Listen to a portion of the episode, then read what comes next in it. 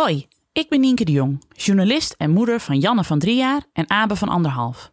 En er is een derde opkomst.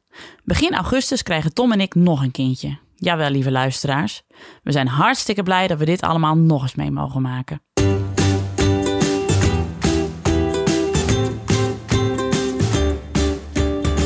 Je hebt ouders die er echt uren blijven hangen bij zo'n uh, crash. Ja, Hanneke. Ja, maar niet vanwege, de, niet vanwege Alma. Maar, maar de koffie is gewoon heel lekker Maar daar. dan toch gewoon bij de dag van de Leidse kun je toch gewoon met een voordeelzak uh, nou echt met uh, aankomen, zeg maar. Voor Jij- zichzelf. Even de voorraad aanvullen. Ja, precies. Dat is misschien wel een idee.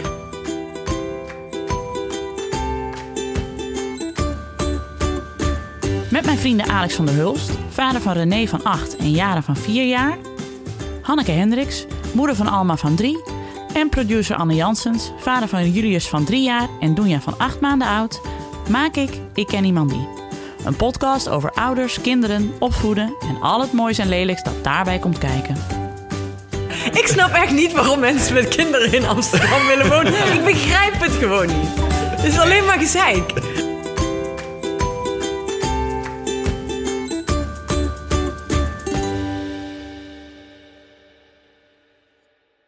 Ik weet niet waar het vandaan komt, maar wij hebben allemaal een fascinatie voor de crash.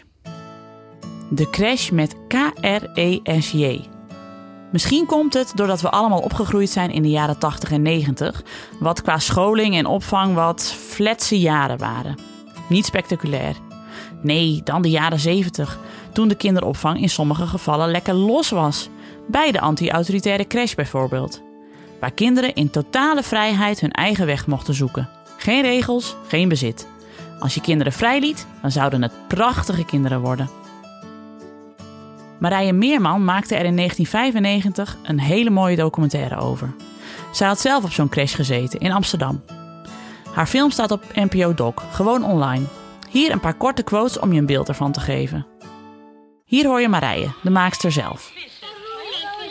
In de crash moesten wij geheel onze eigen gang gaan.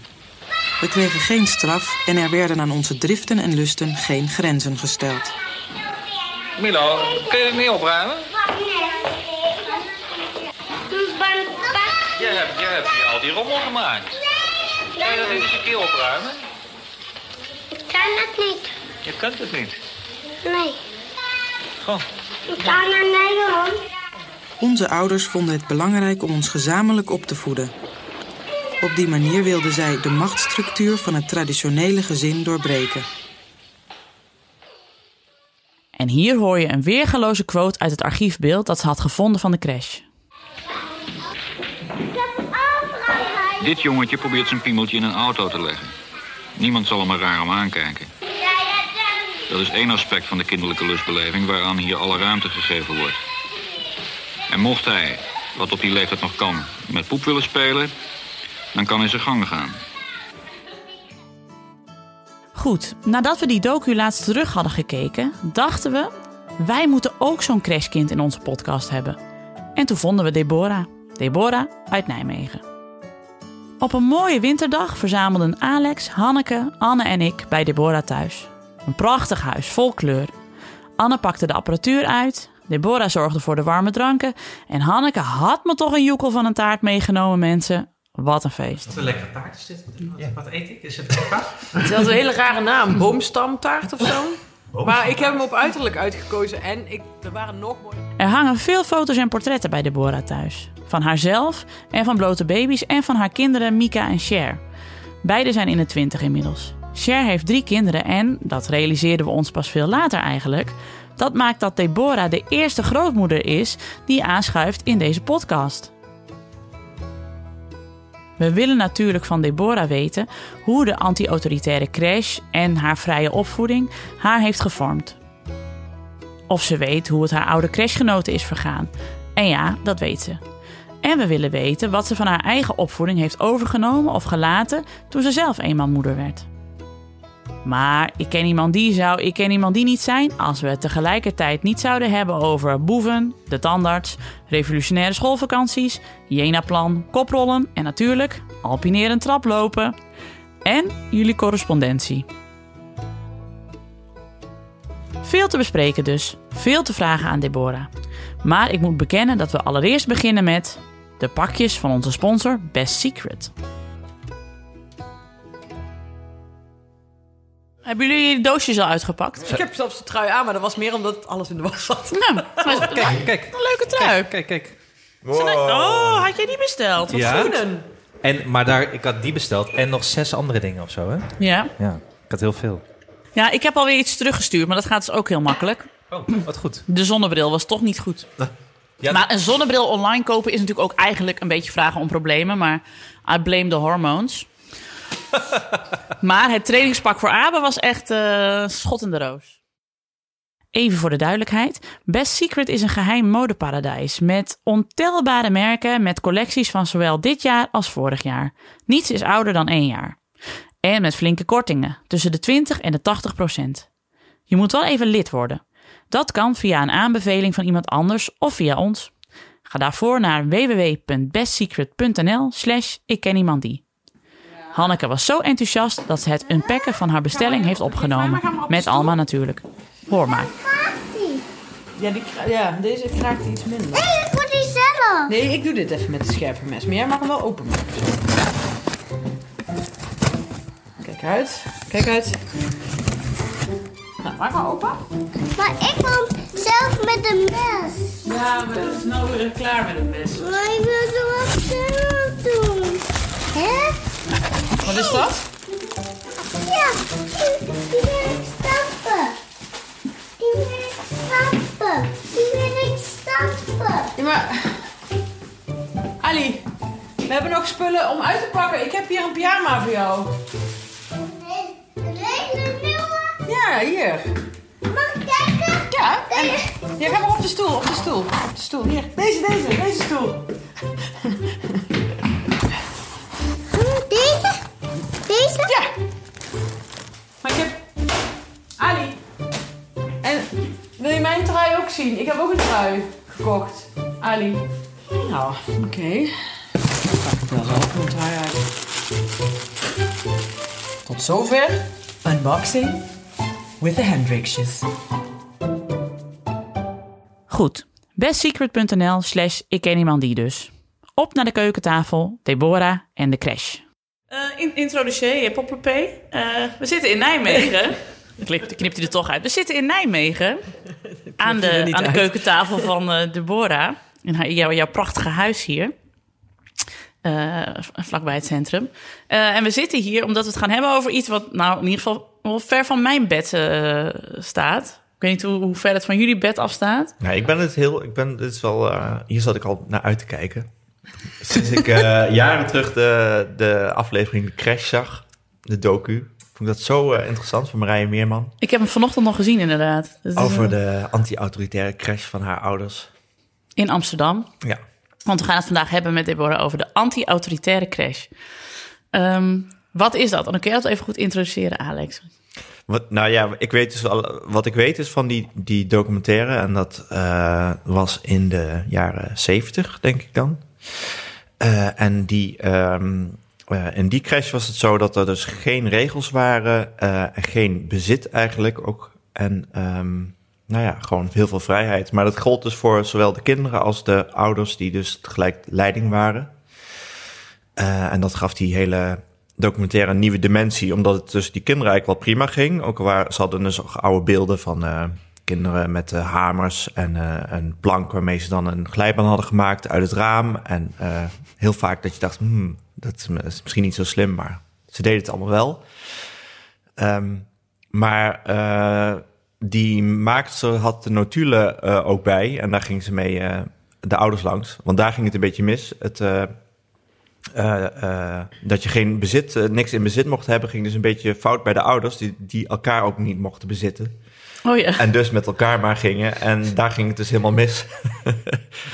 Ehm, en ook volgens mij in de leiding dat ze het ook allemaal niet meer zo goed wisten wat ze nou precies moesten doen. Ah, dus de volwassenen hadden problemen met elkaar en de kinderen eigenlijk niet. De kinderen niet. Volgens mij het grootste probleem was een keer dat ze dan iemand jarig was geweest en alle eh, cadeautjes in de crash werden gedumpt van eh, bezit bestaat niet. Dus iedereen mag hier uitkiezen. Daar had één kindje wel een trauma van. Maar er was Ja. wel leiding. Er was wel leiding en die schreven alles op van die deed dat en die deed dat. En ik had hier moeilijk mee, want die sloeg. En eh, ik wilde eigenlijk zeggen dat het niet mocht, maar ik kan niet zeggen dat het niet mocht. En dan gingen ze daar weer heel lang over vergaderen, want daar hadden ze dan hele lange vergaderingen over wat ze dan moesten doen. Ik las ook nog een artikel eh, over de anti-autoritaire crash van eh, Sander Donkers, de Volkskrant-columnist, die zelf ook op die crash heeft gezeten begin jaren zeventig in Amsterdam. En zijn ouders hadden er vooral voor gekozen omdat zijn beste vriendje er ook naartoe ging en dat was wel makkelijk. En zijn ouders waren nog heel erg jong en wisten ook niet precies eh, hoe en wat. En eh, ehm, eh, dat Sander ook vertelde ehm, dat hij zich nog heel goed kon herinneren. nou ja, sowieso inderdaad dat er helemaal geen regels waren. En dat zij ook gewoon buiten op straat speelden, want ze hadden geen binnenplaats. En dat de auto's dus voorbij raasden terwijl zij op hun fietsjes daar tussendoor krioelden. Ehm, en dat er ook heel veel kinderen naar die crash, die op die crash zaten, die dan thuis ook soms een hele tijd aan, aan hun lot werden overgelaten, omdat die ouders dan ergens in Europa zichzelf aan het zoeken waren en dat die kinderen het allemaal zelf moesten redden. Dus dat het een beetje eh, de kinderen soms een beetje in de steek gelaten werden door hun ouders, want die ouders die hadden die crash, waren die crash begonnen uit het idee van eh, we willen onze kinderen opvoeden tot nieuwe mensen een nieuw soort mensen en niet bevattelijk voor eh, wat er in de maatschappij gebeurt. Hele autonome kinderen die zelf heel goed hun beslissingen kunnen maken. Maar nou ja, dat er uiteindelijk ook heel veel kinderen inderdaad op hun dertiende al in een kraakpand terechtkwamen, omdat ze gewoon helemaal geen structuur kregen. En dat Sander zelf ook merkte van toen hij naar, echt naar de gewone school mocht, dat hij opgelucht ademhaalde, dat hij een tafeltje kreeg wat van hemzelf was. en de mooiste anekdote uit dat verhaal vind ik ook nog dat hij nog heel goed wist dat ze een keer in die crash zaten en dat toen eh, ehm, de twee ouders aan het, eh, ehm, aan het oppassen waren. En of die nou een relatie met elkaar hadden of niet. Maar eh, tijdens het eten eh, begon die eh, man die vrouw ineens te vingeren. waar Alle kinderen bij waren. Nou, zal ik het gelijk even allemaal onderuit halen? Ja, precies. Dit is dus het beeld dat wij hebben van de Ja, anti-autoritaire nee, dat- uit de jaren zeventig door de docu en door Sander Donkers. Ja, dat is... Jij zat ook op een anti- anti-autoritaire crash, Deborah. Ja, klopt. Wanneer was dat? En dat was in, ehm, even kijken, ik ben van 71 en ik zat daar denk ik van 1973, 74 tot ik naar de kleuterschool ging. En Waar was dit? Dat was in Nijmegen. Eh, en van onze eh, crash is in 74 ook een film gemaakt door eh Jury Voogd en Frans Bromet.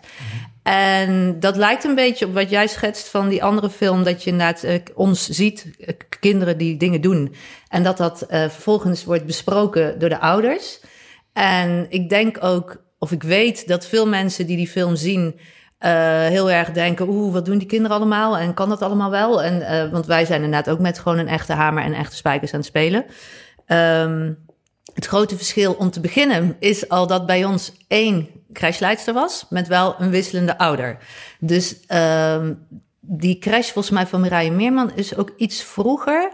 Maar er zijn in de anti-autoritaire eh crash-stroming verschillende bewegingen. En ehm, wat ja, de overeenkomsten zijn in ieder geval wel, denk ik, eh, dat na de eh, inbreng van de ouders. En mijn ouders kwamen uit Duitsland en hadden daar ook een anti-autoritaire crash meegemaakt. Mijn zus is drie jaar ouder. En dat was veel extremer, maar zij vonden het wel interessant. Maar ik kom uit een heel eh, normaal gezin met Ja. twee ouders die niet zijn gescheiden en een zus.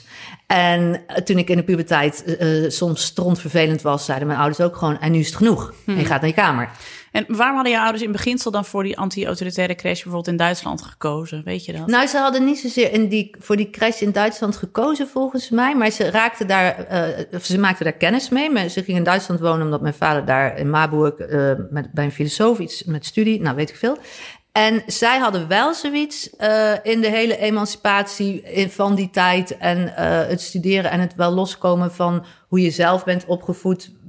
Dat zij zoiets hadden van een kind verdient veel meer eh, eigenheid en een andere aanpak dan eigenlijk wat gebruikelijk was in die tijd. Het autoritaire, het, het zinnetje van omdat ik het zeg, dat was wel echt een taboe.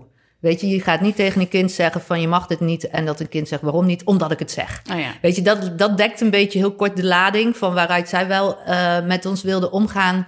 En inderdaad tot eh, kritische, autonome, ehm, geëmancipeerde, creatieve, eh, zoiets eh, die... eh, nou ja, en, en een vriendin van mij die heeft, ehm, dat is nu anderhalf jaar geleden of zo, ook een film gemaakt. En eh, die film van Marije Meerman, dan zijn ze inderdaad 5, 26. En wat ik zelf interessant vind, we zijn nu ook allemaal ouder en ouder. Dus ehm, ja, en ook in haar film, ik heb die ook wel eens gezien, dan zie je inderdaad van die dolende twintigers op Ruigoord, totaal eh, weg van de maatschappij.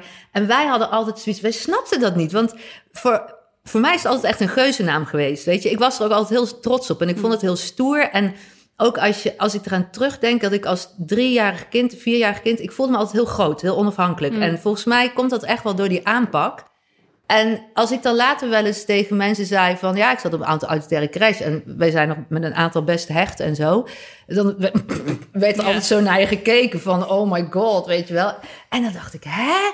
Totdat wij dus inderdaad ontdekten... er is, leeft ook een heel ander beeld inderdaad... van hele eh, tragische toestanden. Nou ja, en onze crashleidster die vertelde dus laatst... dat ze dan zo'n vergadering hadden... en er kwamen nieuwe ouders, die zouden komen kennismaken... en die kwamen naakt binnen... Oh, Dus die ouders die zaten te vergaderen. En gewoon met kleren aan. Want die waren aan het vergaderen. Ja, ja. En, eh, en die nieuwe mensen. Dus dat was inderdaad wel heel. Ja, kennelijk eh, waren zij misschien daar heel anders in of zo. het was een, het was een breed, breed spectrum aan anti-autoritaire ouders. Ja, Ja, het is natuurlijk misschien ook wel goed om even te schetsen dat je natuurlijk eh, dat het een, een, hele, een hele andere tijd was. Ook in de zin inderdaad dat de, de ouders die jullie op de crash deden natuurlijk voort waren. Dat waren dan boomers of eh, nou ja. eh, mensen die in de Tweede Wereldoorlog waren geboren, zo'n beetje. En dan Ja. weet je, ben je in de 70 jaren ben je begin 20 en je krijgt je eerste kind. En dat zijn natuurlijk nog eh, ouders die heel erg zelf opgevoed zijn met inderdaad eh, ja is ja, is nee is nee. En vader, eh, vaders wil is wet. En eh, ja, zoals ik van mijn eigen vader weet, bomvolle klassen waarin nul ruimte was voor ontplooiing, zelfontplooiing of een eigen mening. Of je ging gewoon mee in het stramien. En ja, uiteindelijk rolde je uit zo'n school met een diploma.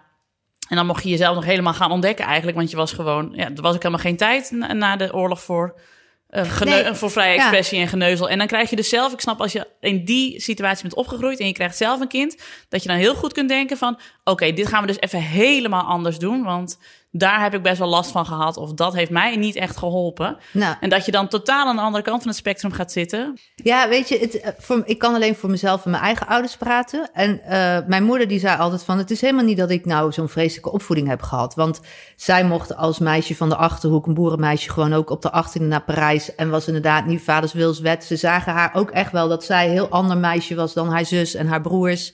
Dus, maar en het was wel een emancipatie van henzelf... En mijn vader, dat vond ik ook wel een, een bijzonder inzicht. Die vertelde, die was op zijn dertiende, ging hij naar het seminarie. En die zei, ik heb eigenlijk, eigenlijk nooit echt een opvoeding gehad.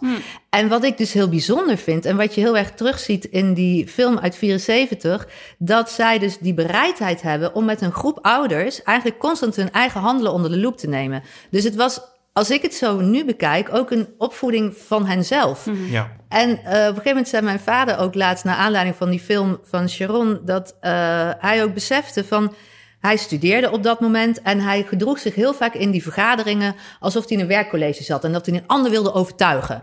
En er was ook een vader en die was arts, en dat is trouwens best uniek voor die tijd, die eh, vroeg dan dingen. Want dan zei dus zo'n moeder van, ja, ik voelde me eigenlijk heel onzeker of ik had eigenlijk best wel in willen grijpen en misschien ben ik best wel autoritair. En eh, dan zegt eh, die man zo van, heb je dan het gevoel dat je dat hier niet kan zijn? En dat mijn vader eventjes, die had zelfs iets van, vond hij zo'n openbaring dat hij dacht, oh ja, je kan ook gewoon vragen stellen. Ja. Maar dat trekken ze dus in feite door naar die kinderen. En ehm, wel met inachtneming van wat is, eh, wel- welke ontwikkelingsfase bevindt een kind zich in. Dus inderdaad, dat, al- dat bezit van iedereen, dat zeg ik zelf ook in die documentaire, daar gaan ze wat mij betreft een beetje de mist in. Want een kind van twee, dat is gewoon ikke ikke. Ja. En ik denk dat je daar ook recht aan moet doen. Ja. En dat het dan heel onrealistisch is om dan van kinderen van twee te verwachten dat die ook snappen, de wereld is van iedereen. Ja. En want er zit dan ook zo'n hele treffende scène in dat ik een beker heb gepakt. En dat mag niet, want die beker is van Stanneke. Maar ik zeg dan van ja, maar ik heb hem gepakt. En alles wat naar de crash wordt meegebracht is dan, hè, de stelling van de ouders, is voor iedereen. Maar ja, dat meisje die heeft zoiets, ja, dat is gewoon mijn beker. En dan zeg ik aan het eind, nou, dan neem ik ook de volgende keer mijn beker mee. En dan zegt die moeder, nou, dat is goed. Maar vervolgens wordt er natuurlijk weer over gesproken in de vergadering. Ja, dat dat weer net onderuit haalt wat hun print. Maar goed, wat ik gewoon mooi vind, en niemand doet zijn opvoeding perfect, en volgens mij moet je daar ook helemaal niet naar willen streven, is dat zij heel erg die bereidheid hadden van. Ja, wat, het is een zoektocht, weet je wel. En ik denk met opvoeden, en dat komt nu, ben ik zelf ook mee bezig met die kunsteducatie, van eigenlijk een vragende houding, een dialoog aangaan. En ook met een kind kan dat op zekere hoogte. En dat vind ik gaaf.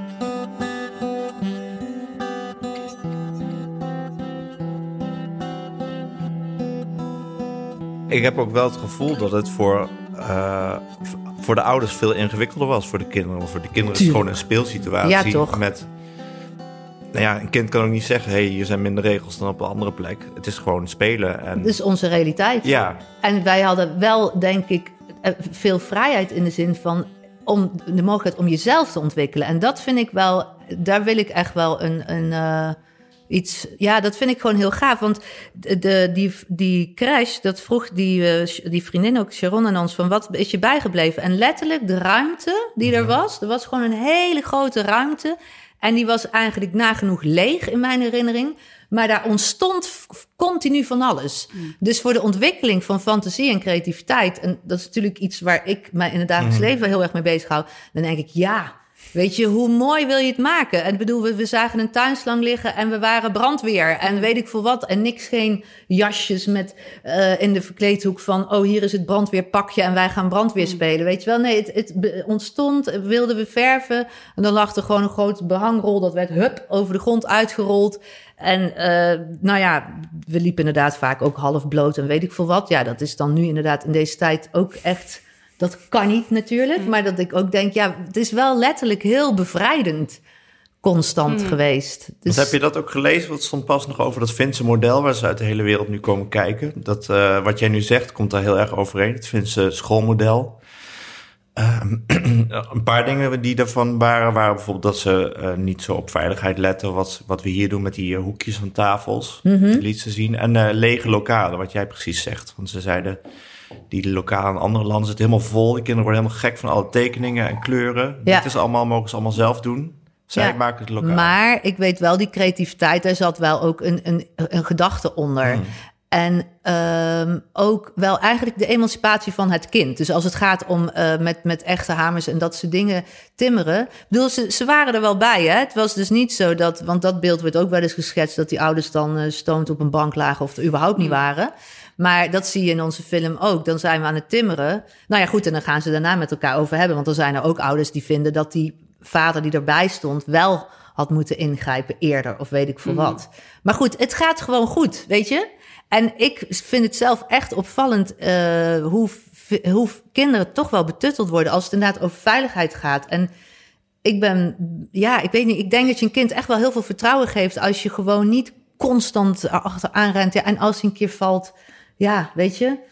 Ehm, dat, Ja, eh, en ik kan me ook wel voorstellen dat het, als je nu op de, op de crash zit en eh, wat onze kinderen natuurlijk zitten, ehm, dat je als ehm leidster natuurlijk je aan veel meer protocollen hebt te houden. Ja. En dat je daar zelf wel heel makkelijk over kunt denken, maar dat je altijd te maken hebt met ouders die steeds beschermender doen jegens En de hun GGD. kind. En de GGD. En eh, dat je binnen no time een claim aan je broek hebt van... eh, Ja, precies, waarom is mijn kind daarvan afgevallen? Ja, precies. Want bij een kinderdagverblijf kun je het natuurlijk niet maken om te zeggen... ja, Shaki heeft eh, een, een eh, spijker door zijn hand. eh, geslagen. Nee, maar het ging daar wel, ik, weet- dat weet ik van Cynthia, die, moest, eh, die had contact met de GGD en dan moesten daar het, eh, ze, hun, hun eh, kinderdagverblijf zat in een, of uh, buitenschoolse opvang zat in een bos. En dan wilden ze de boomstronken gaan beoordelen. Ja, het is een bos. Eh, ja, maar ja, hier kunnen ze over struikelen. Ik zeg, ja, dat klopt. Ja, terwijl volgens mij is dat alweer de nieuwe trend. Dat je wel steeds vaker ziet dat, dat crashes de, eh, zeg maar de buitenruimte wel heel erg eh, ruw en ongerept houden. Dus dat er heel veel natuurspeeltuinen komen bij zo'n opvang. Want dat is, een, dat is ook een ontzettende trekker voor jonge ouders. Dat ze denken, oh, dan kunnen ze in ieder geval lekker veel buiten spelen. En dat ze daar hun creativiteit kwijt kunnen inderdaad met zand en takken en dat soort dingen. Maar dan moet je als ouder dan wel. eh Ja, dat heeft volgens mij ook te maken met je eigen manier hoe je zelf eh, bent opgevoed. Tenminste, dat merk ik met, eh, mijn, met Alma dan. Dat eh, zij mag bij ons thuis ook gewoon... Dat heb ik wel uit de unboxing fragment geknipt. Dat ik tegen Alma zeg, pak maar even een mes. Een Stanley mes. Toen dacht ik, hmm, dat klinkt heel raar. Als je dat Maar zij pakt dan een mes en dan maken we dan de doos mee open. En zij mocht ook al best snel met de gewone schaar knippen. En zij mag inderdaad als Doris... Want zo erg gender zijn we dan wel weer verdeeld buiten aan het eh, eh, timmeren is. Dan timmert zij ook mee met echte spullen. En Ze hebben geen... Maar eh, mag ze de aardappels schillen? eh, nee, maar ze mag wel met een scherp mesje de champignons snijden. Ah, ja. Maar daar sta ik dan wel bij. Ja. En ze mag ook niet in de hele hete pan roeren, dat dan weer niet. Ah, ja. Maar gewoon kijken wat ze... Want ze vindt het allemaal heel leuk. Of ze tomaten snijden of peterselie knippen. Maar ik merk dat eh, vrienden die eh, kinderen hebben in dezelfde leeftijd... sommigen zijn echt panisch. Dan mogen die kinderen niet eens op de bank springen... want dan zijn ze bang dat ze eraf vallen. Maar dat, die zijn dan vaak, als, ik daar dan, als we het daar dan over hebben... zelf ook best wel beschermd opgevoed. Dus ik kan me dan voorstellen dat je dat bijna niet uit kunt zetten... als je dit een beeld hebt dat je kind eh, doodgaat. Ja, terwijl ze dus in dat, wat ze dus bij die Finnen deden, en zoals ze misschien bij jullie ook hebben gedaan, ze zeggen van, oké, je gaat nu hier vanaf springen, dat is goed. Eh, wat wel kan gebeuren is dat je straks heel hard op die punt daar valt. Maar verder mag je het zelf weten. Dat, dat, dat, zo doen zij het dan. Wat ik op zich een hele goede Ja, manier dat zeg ik ook heel vaak Ja. tegen mijn kinderen. Van, Ik vind het goed dat je erop staat, maar eh, je kunt er vanaf vallen. Hè? Ja. Ja. kijk maar wat je er dan mee doet. En Precies, ja. dan valt er ook wel eens Ja, iemand. het- inderdaad, als zij het snijden is, zeg ik, je moet echt uitkijken, want je snijdt je vinger eraf. dan moet je naar het ziekenhuis, maar dat vindt ze dan ook wel weer interessant. Ja, dat vind ik altijd lastig. Want dan, we moeten dan wel altijd de consequenties bespreken. Van wat gebeurt er dan precies als dat gebeurt? Dan moet Ja? ik weer zeggen, ja, Ja. ja. ja, dat weet ik niet. Dan ben ik zo plat als een pannenkoek dan, zegt Jaren. Als ik eh, onder die auto kom. Ik zeg, ja, dan ben je zo plat als een pannenkoek. Ja. Maar Ja. wat wil jij zeggen? Nee, nou ja, dat, het is best veel werk opvoeden. Als je nee, want dat, daarom, weet je, dat vond ik zo'n tegenstrijdigheid. Omdat er dus zo wordt geschetst van... oh, die anti-autoritaire opvoedingen, die ouders die deden maar... of die trokken zich niks aan. Denk, nou, eh, wacht even, dus niet, hè? Die waren er enorm mee bezig. Ja. Dus ja, en nogmaals, daar kan je van alles van vinden. En dat is ook prima. Maar je kan er in ieder geval niet van vinden dat, het, eh, dat we verwaarloosd werden. Nee, En- want dat vind ik het grappige, want we hebben het dan over de jaren 40, waar de, gro- de grootouders van de kinderen van de autoritaire crash, anti-autoritaire crash vandaan kwamen. Ik bedoel, mijn ouders zijn allebei in 1940 eh, geboren, maar die, ik bedoel, die konden gewoon. Niemand hield zich bezig met hen Nee. op die boerderij of in die Nee. bakkerij. Want die, die ouders waren gewoon aan het werk. Ja. En verder sloegen die elkaar wel ook met spijkers en hamers de Ja. kop in. Als niemand keek. Dus wat dat betreft is het natuurlijk ook dat je niet per se heel eh, op de lip werd gezeten als je in die tijd bent opgegroeid. Nee, want kijk, bewust, weet je, dat is misschien dan nu weer zo ver doorgeslagen dat je inderdaad daardoor zo bewust bent van alles wat er gebeurt, dat je het ook weer wil, wil gaan weghalen bij je kind. Maar ik denk dat je daar je kind enorm mee tekort doet, want dat is wat ja, wat nu ook wel een beetje zo de, de tendens hè, van, of de kritiek ook wel van de prinsjes en de prinsesjes die inderdaad eh, direct een burn-out krijgen als ze even wat tegen zit in het leven. De curlingouders. Ja, Ja. precies. Nee, dus dat. ehm, ja, het is, het is altijd een, een, een eh, hoe noem je dat? Zoeken naar balans. En, eh, en dan is het volgens mij ook nog per se, niet eens zo per se van, oh, toen dit en toen dat. Maar in elke tijd heb je mensen die makkelijker of, of een andere overtuiging hebben, of door omstandigheden. Eh, dus dat, natuurlijk. Ja, en- en de anti-autoritaire crash is natuurlijk een heel mooi, geeft een heel mooi tijdsbeeld van een deel van de Ja. jaren zeventig. Ja. In de zin van inderdaad elkaar vrij laten. En dat het ook een beetje eh, aansluit dus bij die vrije liefde. Tenminste, wat je in de documentaire van Marije Meerman ook ziet in het stuk van Sander Donkers, wat ik ook even in de eh, show notes zal zetten. Ehm, ook heel erg dat ouders onderling ineens ook met elkaar gingen. Want dat was inderdaad ook, ja, je had toch geen bezit, dus je bezat elkaar ook niet. Dus eh, maar dat is ook maar een deel van de jaren zeventig. Ja. Dat is het flower power idee wat, wat misschien een beetje is achtergebleven als standaardbeeld. Maar ja, mijn ouders zijn opgegroeid in de jaren zeventig. Nou, dat was niet, eh, niet heel erg flower power hoor. In Friesland eh, liepen ze volgens mij tien Nee, jaar dat is natuurlijk zo. ook voor sommigen gewoon een excuus geweest. Van, Ja. eh, ik, wil, ik wil wel met die en die eh aanrotzooien, dus eh, plak ik daar maar op van, eh zit bestaat niet. Nee. Ja, nou ja, gewoon- dat ja. mijn de ouders.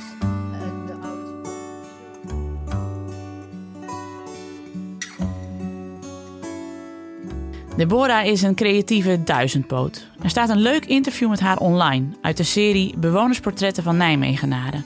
De titel luidt Deborah, wereldvrouw uit Oost. En dat is ze. Ze maakt, verbindt, organiseert, zingt en deelt. Ze geeft les, organiseert workshops, ze danst. Altijd weer bezig met iets nieuws, iets ontdekken en haar grenzen verleggen.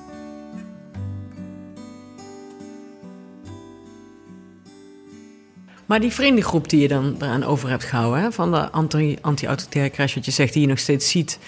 eh, zie je daar dan eh, vergelijkbare dingen in met hoe zij met hun kinderen omgaan? Of Nou wat zie je voor dingen die anders zijn eh, met jullie groepje ten opzichte Ja. van de rest van je leeftijdsgenoten? Ja, dat kinderen? is dus heel leuk, want daar ging dus die film over van Sharon. Omdat ze dus inderdaad daar benieuwd naar was: van is er nou een rode draad of niet? En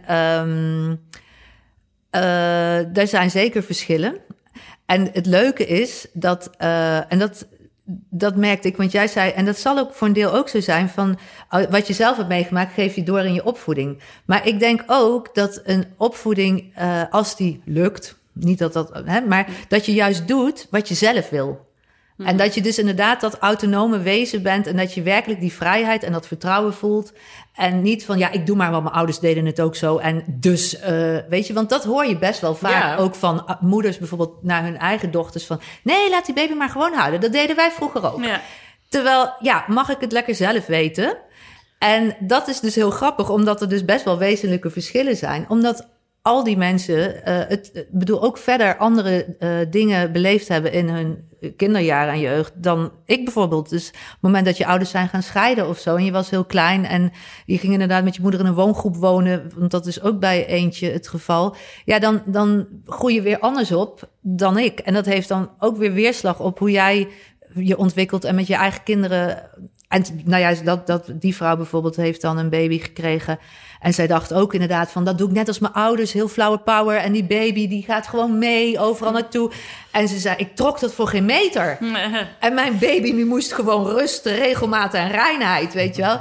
Terwijl ik heb inderdaad met Mika beleefd dat ik dat inderdaad zo deed. Die gooide ik in een draagzak en ik ging naar Amsterdam en ik was een paar dagen weg. Ik had borstvoeding en eh, wat had ik nodig? Ja, drie luiers of zo, weet ik veel. Die kocht ik dan wel weer. Dus ik was daar inderdaad zelf... Ja, of dat dan per se door me... Nou ja, in die zin dat je het vertrouwen voelt dat je het gewoon op jouw manier kan doen. Ja.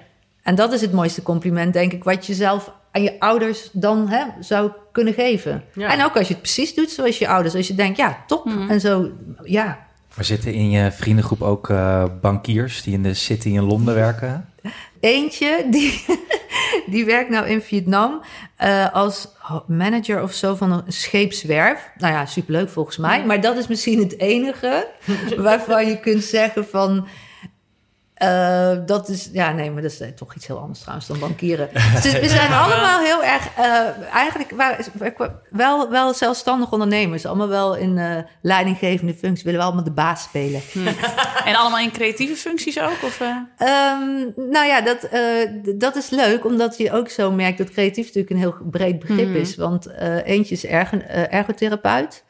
En daar heb ik zelf onlangs ook geleerd, eh, omdat ik met een docent ergotherapie samenwerk, dat dat ook heel erg over creativiteit gaat. Je behandelt iemand vanuit de mogelijkheden. Mhm. En niet van, oh ja, zielig, je bent nou gehandicapt, je kan niks meer. Maar wat, wat kan je nog wel? En dat is dus ook direct wat hij aanhaalt. Als, want dat is dus een vraag die wij dan in onze documentaire krijgen van bij creatief. En dan zegt bijvoorbeeld die van die scheepswerfjongen, nee, ik ben helemaal niet creatief. Maar goed, gaandeweg het gesprek merkt hij van...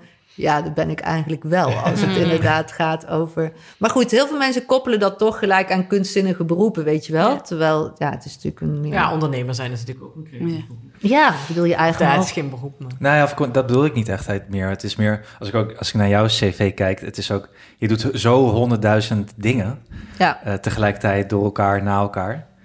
En, eh, Ja. en, en, en ik bedoel niet per se met een bankier als in iemand die met geld werkt, maar gewoon één iemand die één baan heeft. Weet je wel, Hmm. ik ben bankier. Of ik ben, dat zei je ook net even voordat dit apparaat aanstond. Ja. Het is moeilijk te vertellen in één woord wat jij bent. Ja, omdat het inderdaad. ehm, en ik geloof ook dat dat zo is. Weet je, je maakt dingen mee en eh, daardoor krijg je weer nieuwe inzichten. En het, wat ik heel zelf heel fijn vind, is dat mijn werk en mijn leven, of mijn leven aan zich, wat ik doe en hoe ik leef, dat, dat is heel erg in elkaar vervlochten. En ik, ik, ik, dat is misschien, ja, daarvan denk ik wel eens, dat is echt anti-autoritair of zo. Ik doe gewoon wat ik leuk vind. En er zit ook niet zoveel tussen. Eh, weet je, ik heb een idee en dat ga ik doen. En dan mislukt het soms of niet. Of, en dan, eh, maar aan de andere kant, maar dat is niet voor iedereen zo, weet je. Ik bedoel, maar het is wel zo dat ik daar, ik kan daar wel heel makkelijk naar acteren. Naar Ja, mijn maar het is wel iets wat je natuurlijk van jongs af aan wel hebt meegekregen Ja, altijd. dat- Te beginnen bij die crash al. Van, Nee, je kan klopt. hier met alles, alles doen wat je wil. Het lokaal is leeg. Ja, nee, want als de mensen dan ook tegen mijn ouders zeggen... nou, jullie wel trots zijn op jullie dochter zelf, dat hebben jullie goed gedaan. En dan zegt mijn vader, nee, dat hebben ze zelf gedaan. Weet je? En dat is wel ook waar ik, wat ik ook in mijn werk leuk vind... om een soort van randvoorwaarden te creëren... waarin mensen zelf kunnen bewegen... en dat je naar een soort van dialoog aangaat... en kijk, wat kan ik voor jou betekenen? Maar, maar niet zenden. Weet je, ik bedoel niet de, de banking concept of education. Ik weet niet of je dat kent, waarin inderdaad de docent is gewoon, hè, die, die geeft jou dingen in bewaring en die bepaalt voor jou. Zo, dit, eh, dat is van. Dit eh, moet je leren, de waarde. moet je onthouden. Ja. ja. Maar daar heb je wel, denk ik, later mee, eh, daar ben je mee in contact gekomen toen je later naar school ging. Ja, klopt. Want hoe, hoe zijn jullie, eh, als je naar die groep kijkt, hebben die moeite met autoriteit? Of vinden ze het vervelend? Of ja, het, is, het was autoritair. Ze Dus, zijn allemaal eigen baas geworden. Ja. Dus, dus ja. maar Ja. goed, ze hebben het toch wel, je hebt er, komt er wel mee in aanraking. Nee, maar dat, is wel, dat vonden we wel heel opvallend, ja. Dat we daar wel een soort van ehm, gezamenlijkheid in vonden. Dat, dat eh, ja, omdat iets niet mag, ja. Weet je, dat is ook een vriendin van mij heeft nou allemaal gedoe met leerplichtambtenaar vanwege haar eigen kinderen. En ze is, ja, ik ben er gewoon niet gevoelig voor. Je wel, dan zitten ze daar allemaal. En Nee, dus en dat. eh, en inderdaad, eh, ik ging wel naar een hele leuke school, de Jenaplan school. Maar op een gegeven moment, daar had, in mijn tijd waren daar nog de nonnen. En ik weet nog dat, eh, dat zo'n non tegen me zei: "Je- Hou je brutale mond. En dat ik zei: Nee, ik mag alles zeggen wat ik vind, mits ik het op een normale toon doe. dat zat zo ingebakken. En dat, nee, maar dat geeft wel echt vertrouwen hoor. Ja. Als, ook Ja. als jong kind. Dat je echt die overtuiging hebt van. Nee, je moet gewoon, weet je, ik bedoel, hou je brutale mond. Ik zeg gewoon wat ik vind. Of waar, waar, waar- weet je, ik, ik zie dat gewoon anders. Dat mag ik toch. Ik Ik zie Janne dat ook allemaal Nou, zeggen. echt, ik wou net zeggen hoor. Ik moet dit thuis niet gaan herhalen, want dan ben ik echt de sjaak hoor.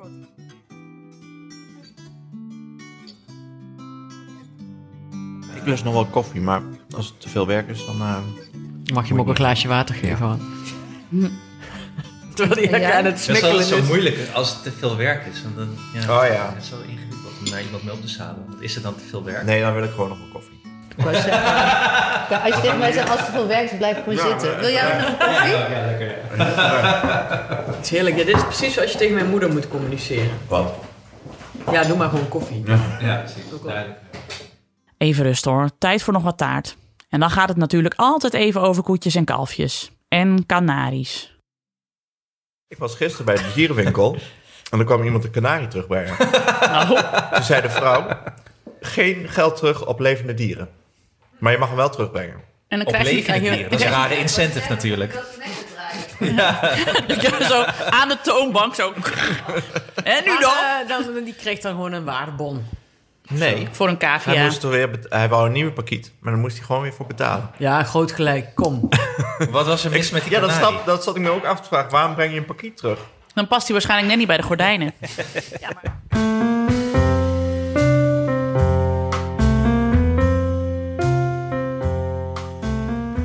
Via de nieuwe buren van Anne kwamen we op een of andere manier bij Fred Teven uit. Luister maar.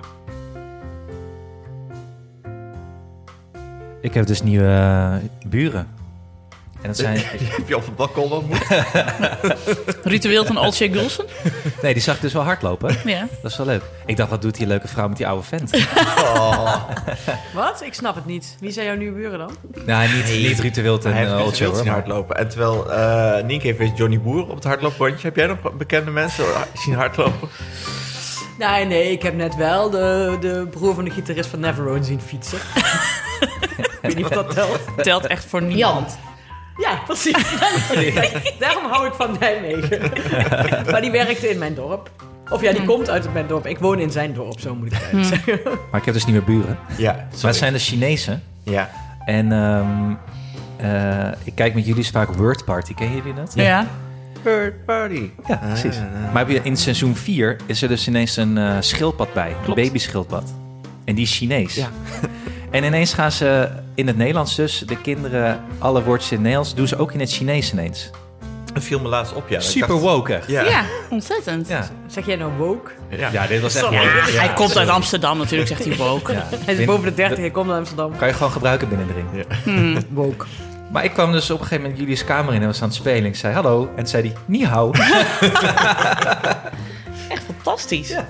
Vind dat is handig nou je ook Chinese puur hebt. Ja. Maar die komen hun appartement niet uit. Vanwege de, vanwege de corona natuurlijk. Ja, ik weet niet, maar ik zie ze dus heel weinig. Maar ze hebben wel inderdaad een eh, kinderfietsje alle twee. Ah, ja. Ja. Met een mandje. Ik dacht al, waar komt het... Ja. Weet je wat het, eh, de goorste persoon die ik ooit heb zien hardlopen? Ja, die, toen reed ik naar... Niet Johnny Boer dus. Nee, nee, Jo- nee. Johnny Boer, by far. echt productie van Ja. een verhaaltje. Nou, ik was ooit met de auto op weg naar mijn broer, die woont ook in Amsterdam. En toen wilde ik afslaan en toen zag ik Fred Teven in een hardlooplegging. nou, nothing beats eh, dat, zeg maar. Dan ben je wel wakker hoor, 's ochtends. Zo. David. Maar leuk dat hij iets aan eh, bewegen doet. Hey. Die schaamt zich daar ook gewoon niet voor, dat is goed. Nee, maar ja. Dat, dat, we, ja, hoe? Maar echt een legging? Had hij echt een legging aan? Een legging. Nee, hij is zo iemand van zo'n wijde jogging. Nee, een lange legging. Het was denk ik in de, in de winter. Dat was echt, dat was, viel me op van, daar staat een oude man in een legging. Oh, het is Fred Teven. Maar goed, ik wil maar zeggen, ik ben blij dat hij iets aan bewegen doet. En ja, je, kun- je, daar moet je je ook niet voor schamen. Want ja, dan kom je nooit meer ergens. hè? Hij is nu toch buschauffeur? of Ja. Ja, Maar je hebt niet even- gezegd, eh, je hebt niet gewezen op die legging. En je zei, Fred, ik hoop dat je het bonnetje nog hebt. ik stond bij het stoplicht en toen deed ik zo tik, tik, tik. En toen deed ik zo met mijn vinger zo wees ik naar die legging. En toen deed ik zo, no, no, no. Zo als die Seinfeld, no soup for you man, zeg maar zo. Jullie missen mijn grappen over het bonnetje. Met Teven. Is dat leuk?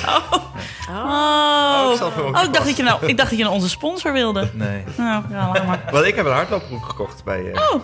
Best Secret. Echt waar? Ja. Zit hij lekker? Dat Nou, ik er goed hem uit nog ook. niet aangehad eigenlijk. Oh, oké. dus, eh, Oké, even serieus weer. Even terug naar onze eigen jeugd. Trouwens, even de vraag tussendoor. Wat voor eh eh, crashes hebben jullie eigenlijk eh, gehad?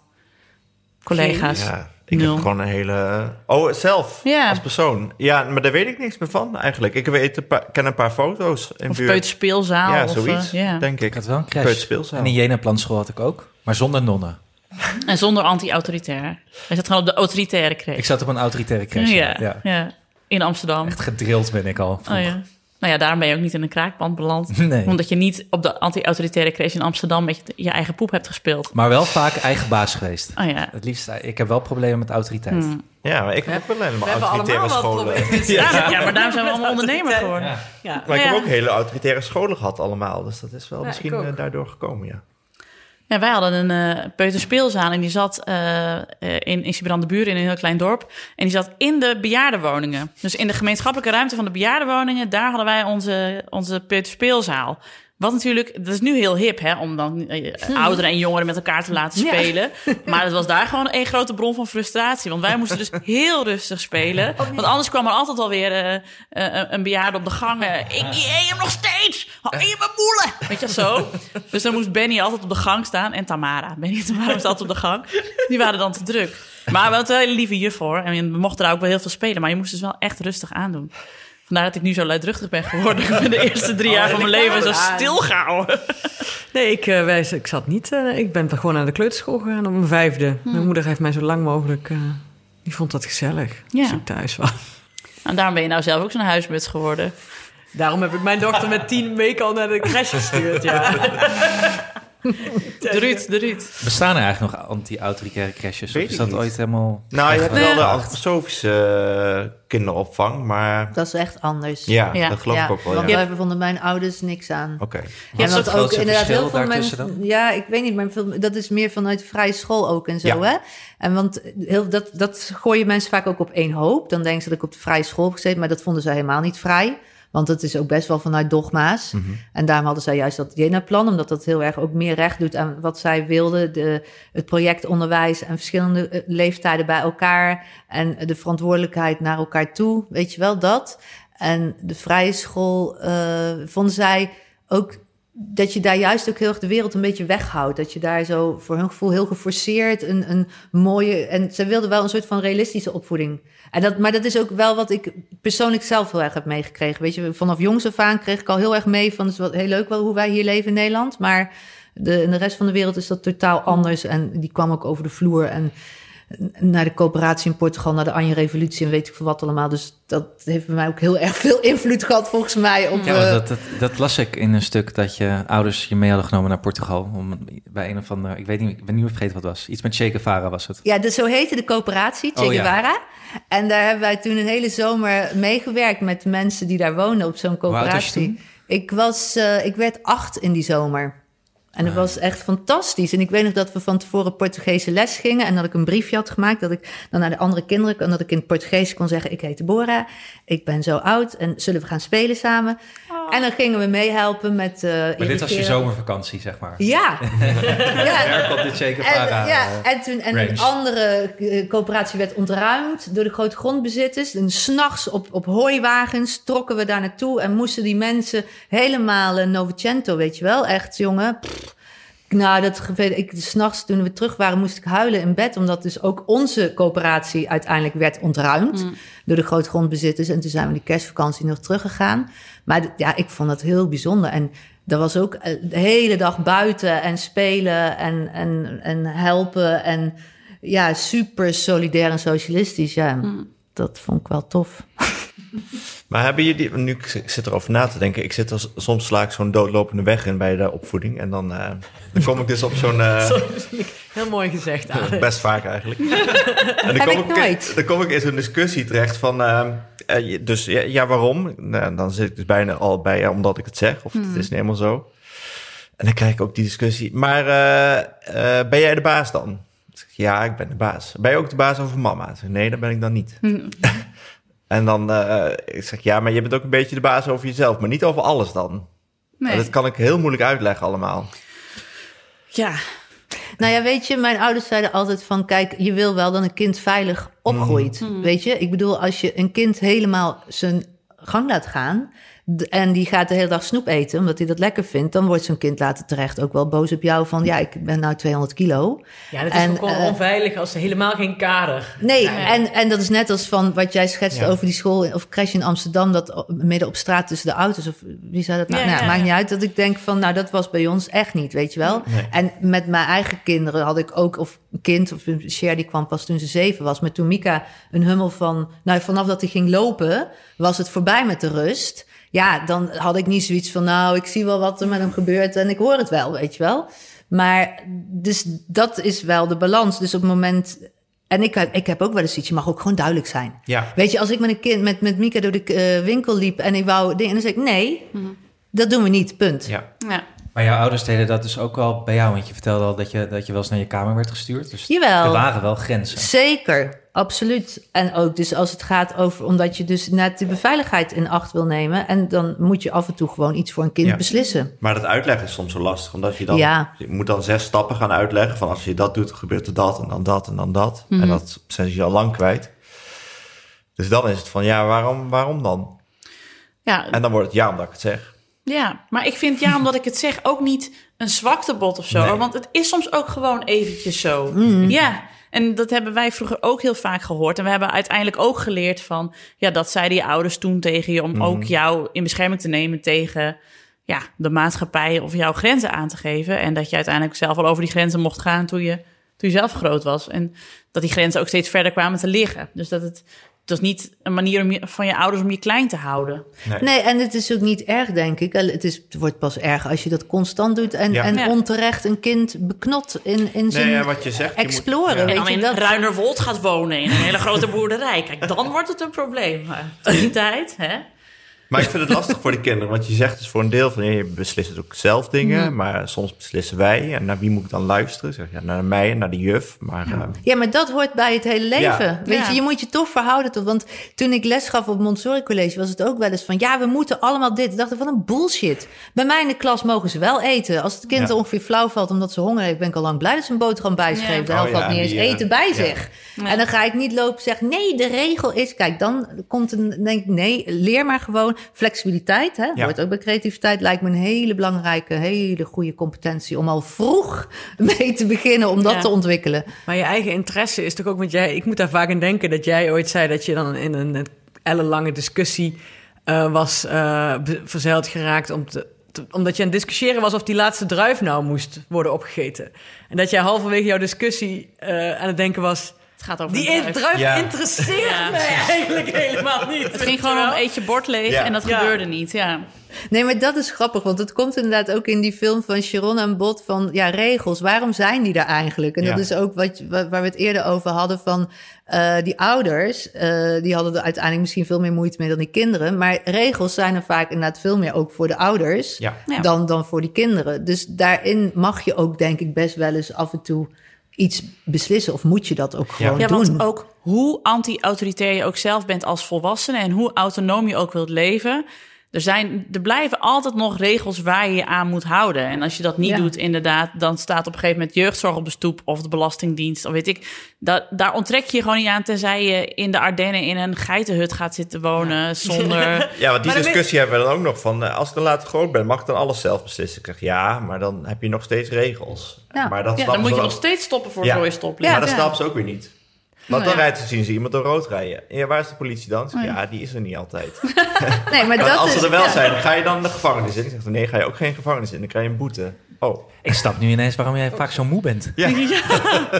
En wij moeten allemaal deze fase nog door, hè? Deze Ja. waarom-fase. Nee, maar dat is allemaal verantwoordelijkheid. En weet je wel, dat, dat zijn wel, dit soort gesprekken is wel en, en een soort van moraal ontwikkelen. Ja. Weet je wel, een geweten. Dat, ja, en dat hoort erbij. Dat is inderdaad, net wat ik al zei, ik bedoel, vermoeien of opvoeden, dat is gewoon wel, eh, daar ben je wel mee bezig. ja. Denk ik heb laatst een hele lange niet dat het discussie in de auto gehad gaat. over eh, boeven. Of die wel bestonden. Met Ja. je kinderen. Ja. Ja. niet met... Met Cynthia. Nou, maar weet je, weet En, je eh, wat, en ja. toen zei ze van, eh, ik zeg ja, boeven bestaan wel. Ik zeg, monsters bestaan niet, maar boeven wel. Oh ja, maar ze hebben wel eh, wit-zwart gestreept pak aan. En toen zei ik, ja, inderdaad, die hebben wit-zwart gestreept. maar ze mogen als ze eruit komen wel nieuwe kleren aan uitkiezen.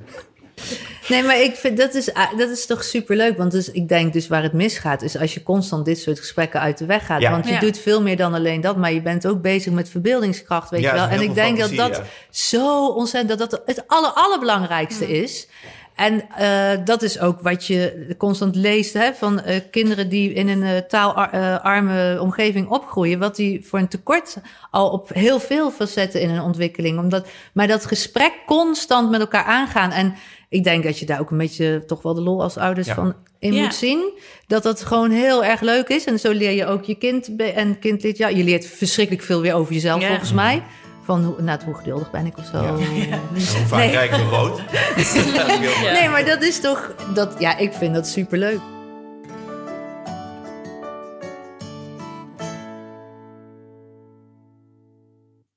Maar dat had ik laatst. eh, toen merkte ik van eh René is, is te, die is zo braaf dat ze te gevoelig is voor autoriteit. Oh Dus ja. toen reden we op de snelweg eh, langs de politie. Stond eh, ergens te controleren. Papa, je moet nu heel goed rijden, want we rijden langs de politie. Oh ja. Ik heb gelijk een dot gas gegeven. Mag dat dit niet doen? Nee, niet, niet Niet doen, niet doen. doen.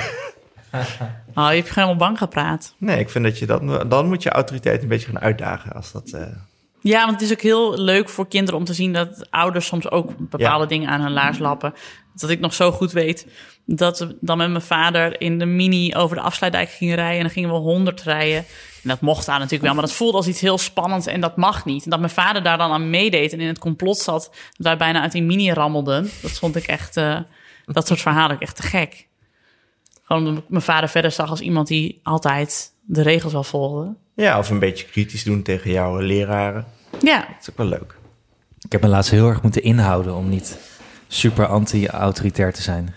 Tegen de crashleidsters. Nou, nee, tegen... Daar wat was een, hij al eh, heel anti-autoritair tegen. Nee, ik heb vandaag jullie keurig om half tien gebracht. half tien? Ja. Dear Lord, Ja. zeg. Ja, Dus, dus ze slapen eh, door. Daar gaan we gebruik van maken. Nee, ja, dat... Ja, mag bij ons Je hebt, toch, je hebt toch helemaal niks meer aan je dag dan? Ik wil ze, Hoezo? gewoon, ik wil ze gewoon 's ochtends vroeg weg hebben. Hoi. Oh nee, Kan ik aan- het kan ik lekker. aan kan ik even slapen en rustig ontbijten. Ik vind dat heerlijk. Amsterdamse bohemiens. Ja. Zo woke. Nee, hadden- Je, je, je bent gewoon, je bent gewoon veel te laat woke, ja. Je moet gewoon wat eerder woke zijn. Ik moet wat eerder opwoken. Woke is gewoon qua opstaan. Ja. Ja, dat bedoel ik. Gewoon lekker Ik wakker. dacht dat het iets te maken had. Nou ja, goed. Nee hoor. Ja, we halen nu woke en, en, en, en, en woke. Ik ben en de Zwolse woke, zeg maar. Ik ben vanochtend om 9 uur ontwoken. Half tien kinderen bij de klas. Oh, dit knippen dan maar uit. Ehm, nee, maar ik ga, hadden een intake van Julius bij zijn nieuwe basisschool. En er zat zo'n eh, begeleider van dan die kleutergroepen, volgens mij, met die we een gesprek hadden. En die praatte direct tegen Mia en mij alsof we ook een kleuter waren. Oh. Zo'n toon. Oh. En dan, och, ik, ik... Ja, maar hoe praat je tegen een kleuter? Mag ik Ja, even kritisch doen? Ja, nou, die mevrouw die praatte alsof het echt een baby was. en dan ga je nu dit doen. En misschien kun je even het puzzeltje proberen. Ja, zo praat ze maar- ook tegen mij en Mia. Ja, maar je mag eh, toch ook tegen een kind gewoon Ja, zeggen... wil jij een puzzel pakken? Dan ga ik even met je ouders praten. Weet ik veel. Ja. Ja, blijf graag. er lekker bij zitten. Mag ik iets zeggen? Mag ik iets zeggen? Want ik vind het zelf ook heel irritant als mensen... Als een kind tegen mijn kind praat. Ik praat, ik praat daar gewoon inderdaad normaal tegen. Ik thuis ook. Maar op het eerste kinderdagverblijf waar mijn dochter heen ging... hier in Oost... Nijmegen-Oost, dames en heren. Nijmegen-Oost. Sorry, niet in Amsterdam-Oost. Het Daar, is goed dat je erbij eh, zegt. Mensen gaan er wel automatisch vanuit. Ja. Ik ben nou ook ineens en helemaal vergeten hoe dat kinderdagverblijf heet. Eh, de klein... Nee. Er was een lijster met een houten poot. Heel En, goed. you Ja. had- en toen zei jij, you had me het houten poot. Ja, Ja. Ze, zat in, in, eh, ze zit in een rolstoel, maar ze praat ook tegen iedereen op die toon. Ook tegen volwassenen. Ja, maar ik vind haar wel echt, echt fantastisch. Ja, maar als ze tegen iedereen praat, op die manier... Ja, maar jij zei dat... dat Nee, ik dat, vond het verschrikkelijk. Ik, wilde, nee, maar jij ik heb zei me dat echt zij, zij praten ook zo tegen jullie. Ja. Ja, maar dat is dan denk ik, ja, maar dan praat ze gewoon tegen iedereen. Als, als Nee, dat denk ik dus niet. Het, was echt zo'n, het was echt zo'n toontje. Het was een toontje. Want ik ben die, die leidster en die, of die eigenaresse van het kinderdagverblijf in die rolstoel een half jaar geleden tegengekomen met Alma. En toen zei ik, kijk, kijk wat ze gaat. Kijk wat ze... En toen zei ze tegen jou, hallo. Hallo, ja, zo praat zij. Ja, dat is Ja, maar sommige erg. mensen praten ook Sommige gewoon echt zo. zo. ja. Maar, Maar- even terugkomende... eh, Nou ja, eh, die mevrouw die vond uiteindelijk dus dat Julius nog te jong was om naar, eh, om naar school te gaan. Dus die, eh, die, eh, hij moet over drie maanden, denk ik, mei, moet hij naar die school. Maar zei ja, hij is, hij is nog niet voldoende ontwikkeld om eigenlijk hier plaats te nemen op school. Maar hij wordt vier. Ja, Dan moet hij toch gewoon naar school? ja. nou Maar- hoeft dus niet per se. Nee, oké, Nee, nee, je maar... bent helemaal niet tot, tot je vijfde hoeft het Nee, oké, Hij nog maar... niet voldoende ontwikkeld. Ja, dat zei ze, ja. Wat zei Wat jij? dan? Volgens Wat mij jij ook niet. Ja, Ik wat zei, doet dat ze daar op maakt de mij dan school dan? Hij kan niet... eh, ja. Jullie redden je toch maar mee. Ik snap Ja, echt dan- niet waarom mensen je- met kinderen in Amsterdam willen wonen. Ik begrijp het gewoon niet. Het is Maar alleen maar gezeik. Toen ging ik naar de crash en toen vroeg ik aan de crash... kan hij eventueel hier wat langer blijven? En toen zei zij, nee, dat kan niet, want Nee. je hebt een contract Precies. tot zijn vierde verjaardag... en dan moet hij Ja. weg, want dan moeten weer nieuwe kindjes hier, naar, hier naartoe. Ja, ja, een contract tot zijn vierde verjaardag. Ja. Als hij vier Ja. wordt, moet hij direct weg. En dan moet je naar de Maar buitenschoolse die, opvang. eh, sorry, Ja. maar nog die even... zitten dus vol, Ja. want die had ik gebeld. En elke buitenschoolse opvang heeft wachtlijsten van hier tot Gunder. Ja. Dus in principe kan jullie straks nergens naartoe. Dus ik heb, ga maar, ik heb een baantje aangeboden. Oh, maar je, je hebt toch gewoon schoolwijzer waarin je eh, drie scholen aangeeft waar je dan uit kan kiezen? Of niet? Hebben Ja, jullie dat ja, hij gaat ook wel naar die school. Maar nog, ik wil gewoon nog even terug naar, de, naar het moment dat iemand zegt... bellen? je bent niet voldoende ontwikkeld voor... De kleuter fucking school. Ja, tekenen, knippen. Is gewoon gezegd. Maar wat kan hij dan nog niet? Gewoon zijn. Hij moet Nou, gewoon het zijn. belangrijkste was dat hij, eh, eh, dat hij zijn billen niet kon afvegen, geloof ik. Ja. Dat kan hij niet zo goed. Nou, dat leert je toch snel genoeg dan? En Ja, dat- alpinerend traplopen. Nee, wat is het? nee. Hoe heet het nou? Ja, Ik, ik heb altijd alpinerend Alternerend. je. Oh, waarom is, heeft hij... Want, ons, bij ons heeft een dorpsschool heeft helemaal geen verdieping volgens mij. Ah, ik zag... kan eh, naar alpinerend traplopen. Janne die, had een, eh, die gaat ook bijna naar, eh, naar de grote school, zoals ze dan zelf zegt. En dus we hadden ook weer een overzicht van de, het KDV van eh, haar ontwikkeling van het afgelopen jaar. En toen stond er ook allemaal bij natuurlijk plusjes van wat ze allemaal dan wel kon en wat ze niet kon. En toen stond er ook bij koprol. En toen hadden ze er een vraagteken bij gezet van we hebben het haar nog nooit zien doen. En ik zo tegen Tom, zit de koprol in het curriculum? Ik had geen idee. Ik dacht gewoon, een koprol dat is iets wat je per toeval een keer leert van je buurmeisje en dan, dan lukt dat. En daarna Als je verleer heel hard valt, dan... eh, ja, en op een gegeven moment verleer je het weer omdat je dan denkt, oeh, mijn nekwervels, daar ga ik. Dus in, in die korte tijdspannen dat je dat wel kunt, dan kun je de koprol. Nee, want in Maar- groep 1 gaan ze wel koprollen bij de gym. Ja, want dan leert ze er dat moet toch wel snel. iemand zijn die dat dan niet goed kan. Tuurlijk, je, moet, je hoeft ook helemaal niks te kunnen. Want je Is hoeft dat de alleen maar... verdeling der dingen of niet? Maar ja, ik vond het iets geks. Ik dacht, oh, dus we hadden meer Wat tijd. er nog meer op die lijst? Ik ben wel benieuwd. Ik zo'n lijst. Nou, ze bijvoorbeeld ook, zijn ze zindelijk? Nou, bijna, jongens. We zijn er bijna. Het gaat goed. Dus voor, Luisteren ze goed. Ja, kun- ze de taakjes op. kunnen ze geconcentreerd spelen? Kunnen ze Ja. plusjes en rondjes tekenen? Stond er ondertussen bij. Kunnen ze eh, omgaan met mede of eh, met klasgenoten. Ja, kunnen ze voor hun mening eh, Ja. Uitkomen, eh, opkomen. Zelfstandig eten. Weet je wat er bij ons ook bij stond? Doris die sprak te laat, want je moet dat dan officieel doorspreken, maar dat vergeten wij altijd. En dan, eh, maar toen zei hij dan, eh, ja, er stond ook nog bij, erg gezellig dat Hanneke altijd zoveel koffie kon drinken. Zit er drie ochtenden in de week. Ga ik, daar kom ik binnen en zeg ik, koffie? Dan zeg ik, oh, lekker. Dan ga ik zitten en dan ga ik zo aan tafel met allemaal een puzzeltje doen. Of met Guus of welke andere kinderen dat zijn. Jij komt er helemaal tot rust. Heerlijk. En een Lekker je beetje, zen-momentje. beetje kletsen. Eh, Ja, de opvang is eigenlijk meer voor jou dan voor Ja, Alma. om negen uur word ik een beetje daar dan de zaal uitge... Maar heb jij de koprol al geleerd? ik zei pas, zei ik ook van... Oh, mag ik dan ook blijven voor de voor cracker? En, de, en, en het andere fruit? Toen zei ze, ja, ik zo echt. Ze zei, nee, dat gaat niet over. Allemaal. Eet je ook eens wat fruit, is wel fijn. Eet je ook eens wat fruit. ik ook eens wat fruit in plaats van dat ik thuis nog meer koffie ga drinken. Maar bij de, Hoewel, je moet anti, wel- eh, bij de anti-autori- auto, au- wow. Bij de anti-autoritaire crash had je ook competentielijstjes. Moest je koprollen. Nee, volgens mij niet. Moest je luisteren. Nee, Ja, zij konden gewoon al zagen en eh, Tim, Oh ja, eh, wat, wij, wat wij nog niet eens kunnen. Nou, Nou, ik maken. denk serieus, als je kinderen hun gang laat gaan, Ja. dat ze dingen sneller en veel meer leren, dan zul je echt versteld van staan. Ja. Ik bedoel, al dat weggehaal en, en getut en geteut. Nee, wat ik al zei, ja, ik, het, wat ik me herinner, bedoel, is dat ik, ik me al heel jong, heel sterk, heel onafhankelijk, heel stoer, heel groot met ons clubje liepen we daar. En eh, ja, het is wel een heel fijn gevoel. Maar goed, dat ja, ze mijn. eh, En wat heb je meegenomen dan bij de opvoeding van je eigen kinderen? Ehm, nou, het, eh, wat heb ik meegenomen? Nou, wel, ik denk wel inderdaad heel erg een soort van basisvertrouwen. Want ik bedoel, ik denk dat ik vast dingen ook wel anders doe. Maar ik vind het wel heel fijn dat ik altijd, ook als het gaat over veiligheid of dingen, ik heb wel altijd heel erg ze kunnen laten. En eh, Mika ook, als ik dan eh, ging klimmen in de, in de speeltuin, weet ik, dan zag ik allemaal zo. Ja, ik, ik vond het altijd wel prima, omdat ik dacht van, nou, komt wel goed of zo. En dat, dat is denk ik wat dus in mij heel erg ontwikkeld is. Dat, dat vertrouwen, dat zelfvertrouwen. En dat ik dat op die manier ook dus heel makkelijk eh, kon vasthouden of kon inzetten, denk ik, op het moment dat ik zelf een, eh, een kind kreeg. En nu merk ik dat ook met die kleintjes van, eh van Share. Dat als ik dan inderdaad, nu ken ik ook best wel veel mensen met jonge kinderen. En dan denk ik ook, vind het wel bevrijdend, ook wat ik bij Share zelf zie. En hoe wij dat zelf met die hummels doen.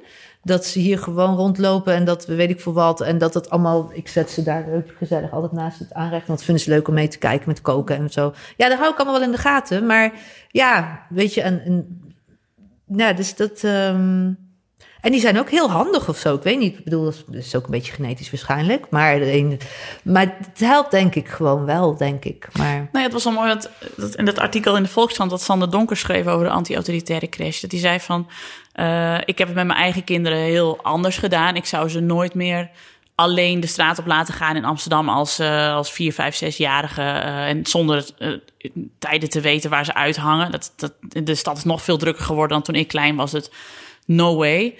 Maar hij zei, ik ben wel inderdaad zo'n ouder die, ehm, die niet bij het... eh, ik weet niet precies hoe hij het zei, maar het kwam erop neer van... hij was niet een ouder die alle gevaren bij zijn kind weghaalde. En eh, bij alles ging checken van, oh, hoe eh, zit dit speeltoestel in elkaar? Of, Ja, en ook- en ook niet ging zeggen van, oh, als ze met z'n drieën spelen... wie va- valt er iemand buiten de boot of zo, weet je. Dat had hij daar, daar, daar was hij helemaal allergisch voor, voor Ja. dat, soort, dat soort ouderschap... wat alle problemen bij de kinderen inderdaad weghaalt. ja, Hij, hij liet zijn kind ook wel gewoon.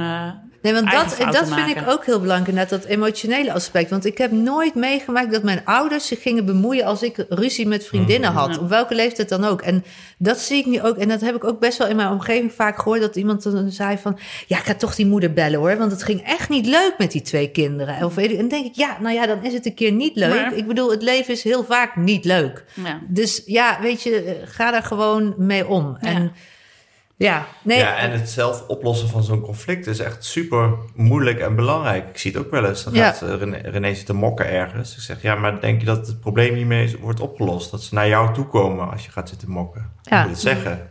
Je moet zeggen wat je Ja, dwars zit. Ja. Precies. Word jij wel eens gebeld door school dat er eh, iets is gebeurd?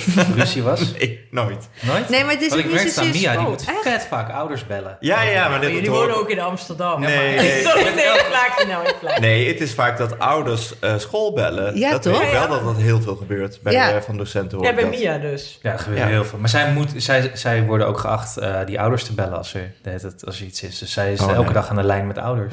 Maar weet je wat heel grappig is? Want eh, eentje dus van onze crashgroep. Eh, eh, die is dus totaal anders dan ik. Dat is ook heel leuk gemonteerd in die film. Die zei dus, toen mijn kinderen naar de crash gingen, eh, belde ik elke middag op. En op een gegeven moment zei dus eh, die crashlijster van... ja, we dachten al dat jij het was. En zei, hoezo? Ja, zei ze, jij bent de enige die elke dag belt. Van hoe gaat het? En zij was echt, was voor haar echt, hè? Ze dacht, dat is toch normaal? Dat doen toch alle ouders? Alle ouders willen toch gewoon... Dus ik wil maar zeggen, kijk, wij hebben dezelfde crash gehad... maar ik had inderdaad ook wat jij net zei. Ja, prima, Mika lekker naar de opvang en hoppelekee, ik kon weer eh, mijn ding doen. En gewoon vertrouwen dat die opvang gewoon goed voor mijn kind gaat zorgen... en dat ik gewoon lekker weer... eh, Je hebt ouders die er echt uren blijven hangen bij zo'n eh crash. Ja, Hanneke. Ja, maar niet vanwege, de, niet vanwege Alma. Maar, maar dat De koffie is gewoon heel lekker Maar jij daar. had toch gewoon bij de dag van de Leidse kun je toch gewoon met een voordeelzak uh, nou echt met uh, snelfiltersmaling aankomen, zeg maar. Voor Jij- zichzelf. Even de voorraden aanvullen. Ja, Dat precies. is misschien wel een idee.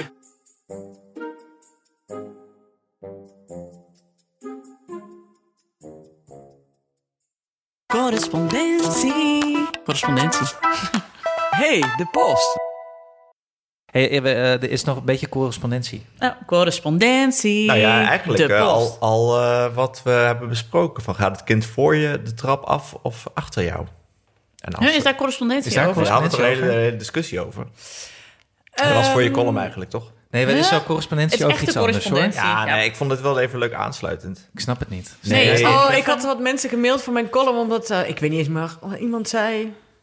Dat kind Oh ja, ik had ook weer zo'n- als eerste de trap af. En zij vond de- het te eng. Ja, ja, die had, ja precies. Oh ja, daar had je over gemaild, ja. Ja. Toen Ja. had ik ook gezegd, jullie gaat gewoon eerst en op hoop van zegen. Ja, dat was wel via de... Ik ken iemand die eh correspondentie... Maar daar heb ik inderdaad wel meteen een column van getikt. Moet zo ook nog een column tikken. Eh, ja, want bij ons gaat dat heel makkelijk. Alma mocht al best wel snel Ja. de trap op en af. Terwijl we hebben wel echt een enge trap. Ja, maar gelijk leren dat ze zo achterstevoren, weet je wel? Ja. Dat ze Ja. zo, dat, dat Op En billen, hè? Ja. Hoe, hoe eerder ze leren hoe, hoe hard je kunt vallen... hoe voorzichtiger ze zelf zijn als ze de trap dus opgaan. Ja. Ja, ja Valt voor een op. deel. Ja, nee, je moet ze niet... Dat is net als met de messen bij ons in de... In de we hebben dus een lader kan ze in. Er liggen allemaal... eh, het bestek ligt erin. Maar de messen waarmee je... die echt ook door mijn vinger heen vallen... die staan wel heel hoog. Tuurlijk. Want dat is dan iets van, ja... eh, Want eh, als je valt een keer, dan doet het pijn. En dan na een jaar staan ze weer te dansen op die trap. En Dan, denk ik, eh, dan zeg ik ook wel eens, eh, weet je nog, toen je heel, hard viel. ja, precies. Maar dan zijn ze wel... Je bent er niet bezig met zeggen... oh, eventueel met een fictief ding... waar ze Nee. aan moeten Ik ben relateren. wel eens met mijn loopwagen de trap afgereden. Nou, waarom ook niet? En? Nee, ik, kan, Was- ik zie me, het was ik denk ik drie of vier, maar het is een van mijn eerste herinneringen denk ik. Want ik zie me nog staan eh, voor de trap, best wel diepe trap, met mijn loopwagen. En ik, ik, ik weet nog dat ik dacht, zal ik het doen of niet? En dat me het wel een toffe uitdaging leek. Ja, dat je dacht, dit is, dit is een goed idee. Ja, dit is een goed idee, dit lijkt me spannend. Toen was Telant te zijn en de lucht nog heel veel op tv. Ja, precies. Ja, Met flink- glans van de schans. flinke hersenschudding. Ja, ja. Ja. En mijn onderbuurvrouw was toen de oppas. Oh ja, en die voelde zich Oh, mega ik zielig schuldig. Ja. Ja, maar ik denk dat toch iedereen voelt toch nog wel hoe, je, hoe het voelde om van de trap af ja, eh, op, de je, te ja. Nou, en ook zo met je billen zo van de trap. Dat ah. elke trainer zo dom dom dom dom dom dom dom dom. Dat had Janne laatst dus ook. Ik zo, ja, dit is, dit is wat er dan gebeurt. Dus dan weet je dat alvast. Ja. Van je fiets vallen. Dat je dus weet, het moment dat je denkt, nu ga ik vallen. Dat je voelt dat je valt. En dan het gevoel van dat je je arm schaaft. Ja, of je knieën. Oh ja. Oh, ik zat gisteren bij de tandarts. Ik zat maandag bij de tandarts. Ik zou maandagochtend ging ik met de kinderen op controle naar de tandarts. Dat ging allemaal hartstikke goed. Abe voor het eerste kinderstoel. En eh, helemaal interessant. En nou, hoe groot is deze kans dat s smiddags Ja- Abe lag in bed. We hadden eh, de aannemer in huis, die was bezig met een verbouwing. Die zat zijn boterham te eten. En Janne had gezien dat de aannemer buiten een hele grote plas met water had gemaakt bij de buitenkraan. Toen zei ze, mag ik even naar buiten in de plassen stampen? Ik zei, ja, tuurlijk, ga lekker. Dus zij laarzen aan. En toen heeft ze de loopfiets gepakt en is ze ja, door de plas gaan rijden en blijkbaar uitgegleden. Vol met haar gebit op het stuur van haar loopfiets. En ik hoorde de gillen en ik dacht, want je hoort altijd precies van... is dit een gil van schrik of is dit een gil van pijn? Een gil van pijn. Dus ik tilde erop en ik zag ook allemaal bloed... en ik zag meteen dus een stukje af. Ik de tandarts bellen. Ik zo, ja, wij waren vanochtend ook bij jullie... die kinderen met die laarzen aan, dat waren wij. Ja, eh, mag ik nog een keer langskomen? Want eh, ja, ze heeft er net een stuk van de tand gevallen. Maar het is dus het grappige dat het dan... ehm, we waren er weer bij de tandarts. Janne deed het weer supergoed en zo. En ze was ook helemaal niet in paniek of zo. Ook omdat ik meteen heel rustig was. Van ja, dit kan dus gebeuren. En dat ik ook zei tegen haar... Ik denk dat bijna alle kindjes dit wel eens een keer hebben meegemaakt. En dat we ook echt zo'n lijst konden opnoemen van... en die en die en nou ja. En dan is het ook meteen goed. En er zat ook helemaal geen angst om daarna weer op de fiets te stappen. Dat was het ook niet. Het was gewoon een stom ongeluk. Maar is het gemaakt nu? Nee, ze gaan er niks aan doen, want het is een melktand. Dus het is Oh. gewoon een stukje af. Dat slijt wel mooi rond weer. En dan over twee, Dan drie jaar is hem kwijt. Een beetje bijveilen. Nee, dat viel wel mee. Zo scherp als het randje niet. Had ze gaatjes? Nee, zeker niet. Oh, nee, maar we, we goed Ja. poetsen. Mijn kinderen houden van tanden poetsen. Maar we hadden dus... we hebben ja. correspondentie. Ja, volgens mij, we hadden eentje voor eh, Alex. Oké. En, en eh, praat gewoon mee hoor. En eh, eentje, volgens mij was deze voor, eigenlijk voor Hanneke gericht. Maar, of voor Nienke, dat weet ik even niet meer. Maar in ieder geval. eh, de titel, eh, het is Jacco, en ik mocht dus naam noemen. En de titel was, je gaat toch niet scheiden voor je kinderen vier zijn? En hij zegt, hallo. Ik dacht, laat ik me eens aangesproken voelen bij deze. In de oudejaarspodcast werd een beetje gesuggereerd dat het echt raar is als je gaat scheiden vo- voordat je kind naar de basisschool gaat. Dat was bij ons het geval. Ons zoontje, zoontje was twee toen wij gingen scheiden. Ik weet eigenlijk niet precies wat de statistieken zijn. Op welke leeftijd van de kinderen gaan de ouders scheiden. Daar zijn vast wel wat trends in te vinden. Maar persoonlijk vind ik de overgang van geen kinderen naar kinderen wel echt een grote en daarmee ook echt een relatietest. Ik snap een reactie als dat doe, je, dat doe je toch niet, dat doe je de kinderen toch niet aan wel. Maar dat is toch te simpel gedacht.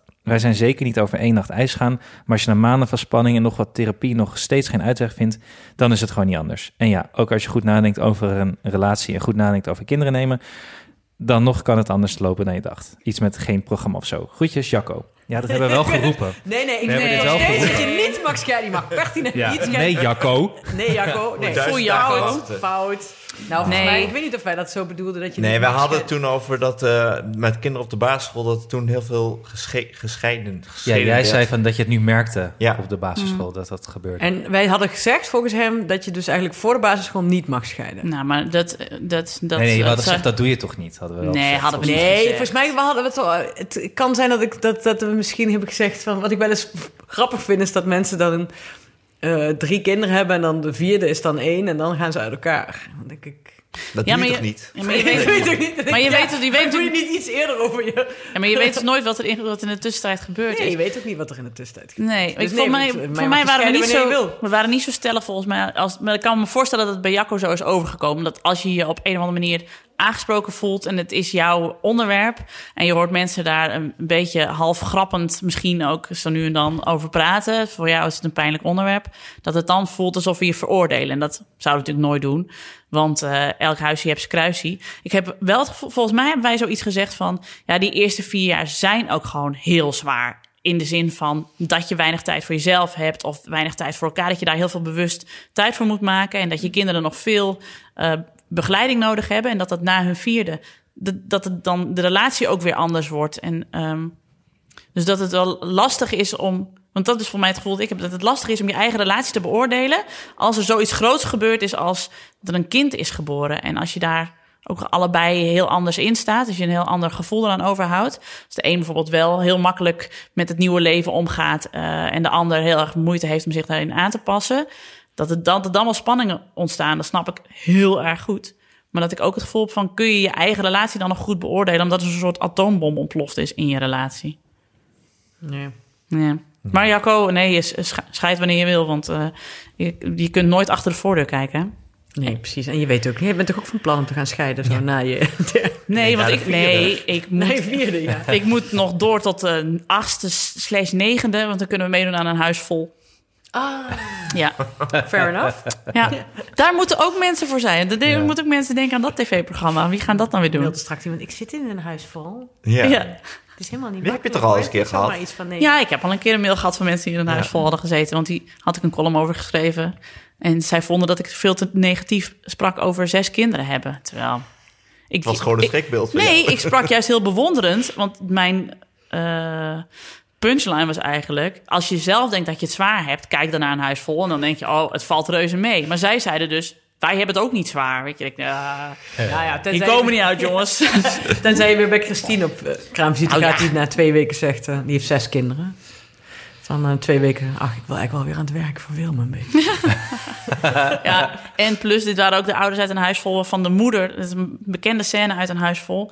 eh, die moeder pasta aan het koken is, eh, wat ook in de vriezer kan. En ondertussen met beide tieten, een kolf aan beide tieten. En ondertussen melk aan het kolven is voor de vierling.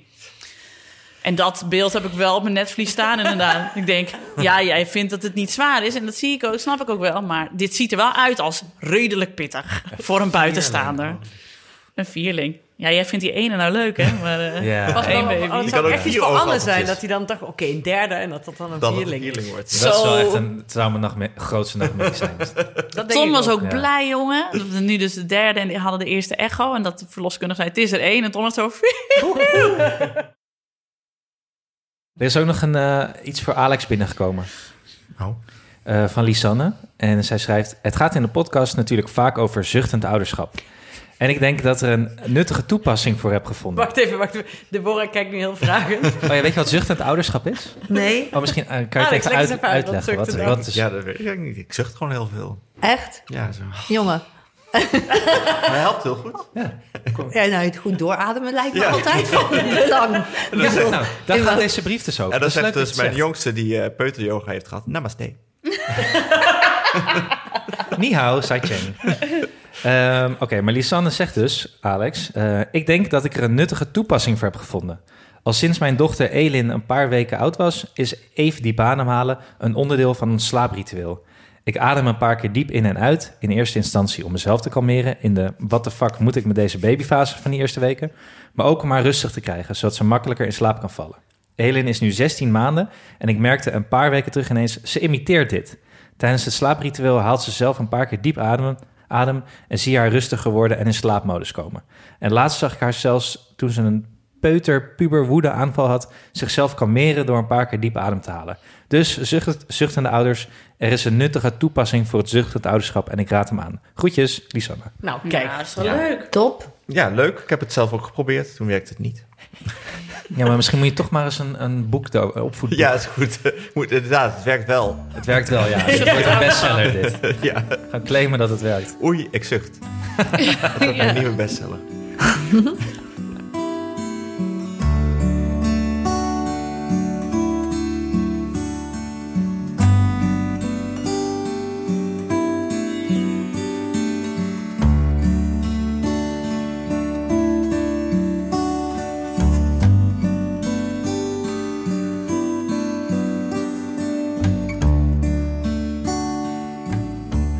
Uitsmijter, eh Nienke?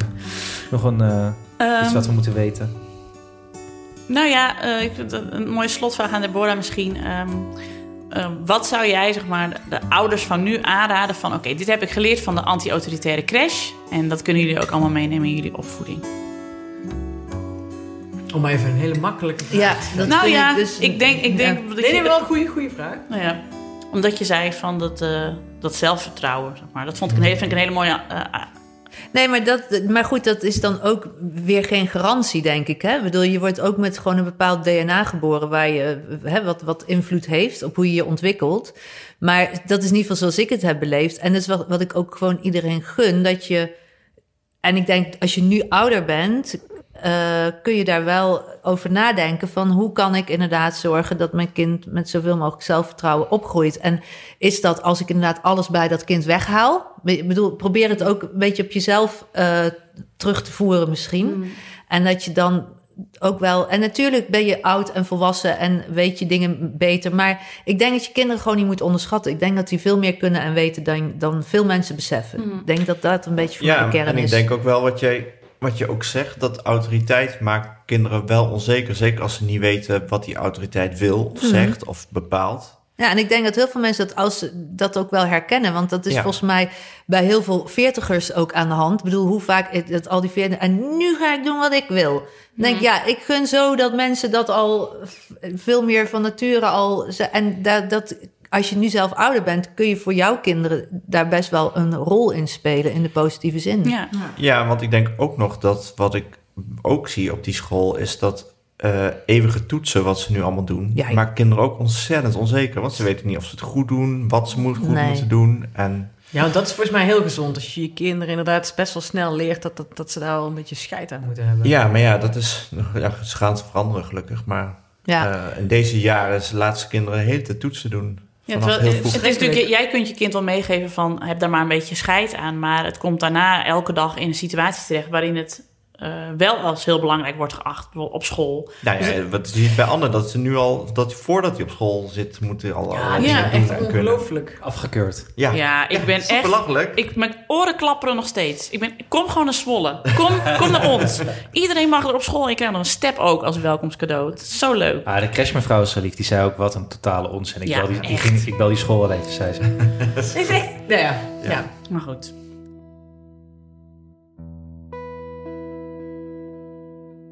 Janne zei laatst, Janne vindt de dingen heel snel spannend. Dan zegt ze net durf ik niet, dat vind ik spannend. Zo, en dit spannend. En toen zei ik ook, ik zei, ja, maar lieve schat, papa en mama doen ook elke dag wel dingen die ze spannend vinden. Ik zei, toen zei ik, Tom, papa, wat ga jij vandaag doen wat je spannend vindt? Ja, hij zei, ik moet naar de, iemand toe, en die heb ik nog nooit ontmoet. Moest hij voor zijn werk naar een andere dealer of zo.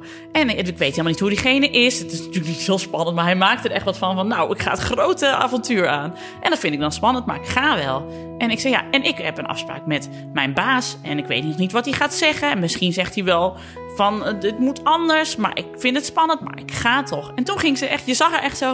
"Oh, Oké, nou dan durf ik ook wel op school te vertellen dat ik nu op het potje plas. dat was het dan. Maar poepen, dat durf ik nog niet hoor, mama. Ik zei, nee, door volgende week, eh, one step at a time. Ja, maar zo, Ja, dapper zijn is ook een ding. ja, is ook goed. moet je ook leren dat het mag. En dat je dan een fout mag maken en dat je dan niet... Precies. En dat je het ook vooral mag zeggen, dat je iets spannend vindt. Ja. En dat dat, dat dat heel normaal is. Ja.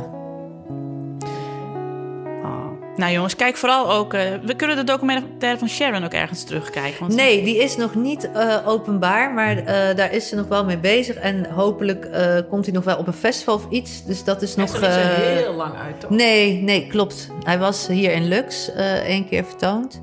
Ja, en ik, ik laat hem nu over twee weken bij mij op de opleiding zien.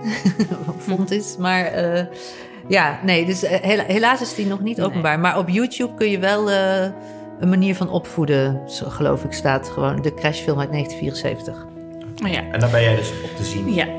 Dus die heet Een manier van Prominente opvoeding. rol. En dan heb je de, de documentaire van Marijn Meerman. En die heet De Crash. Volgens mij, ja. Ja, en die, de film van Sharon heet Wij anti-autoritaire kinderen.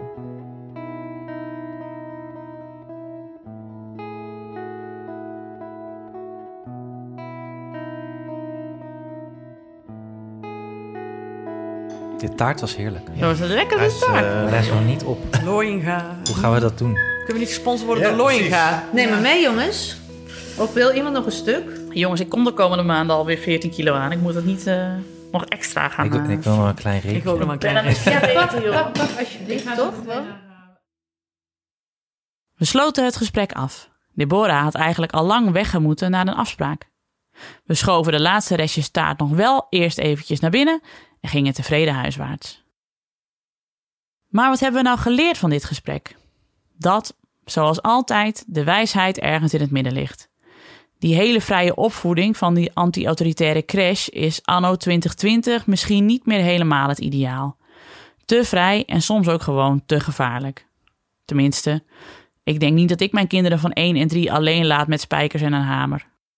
Maar de huidige opvoedcultuur, met curlingouders en met rubberen tegels onder ieder speeltoestel, doet soms misschien ook wat benauwend aan. Ergens in het midden, daar zou ik wel uit willen komen. Dat mijn kinderen wel hun eigen pad mogen kiezen en hun eigen fouten mogen maken. Maar dat er altijd een ouder in de buurt is om ze te troosten als er onverhoed iets niet goed gaat.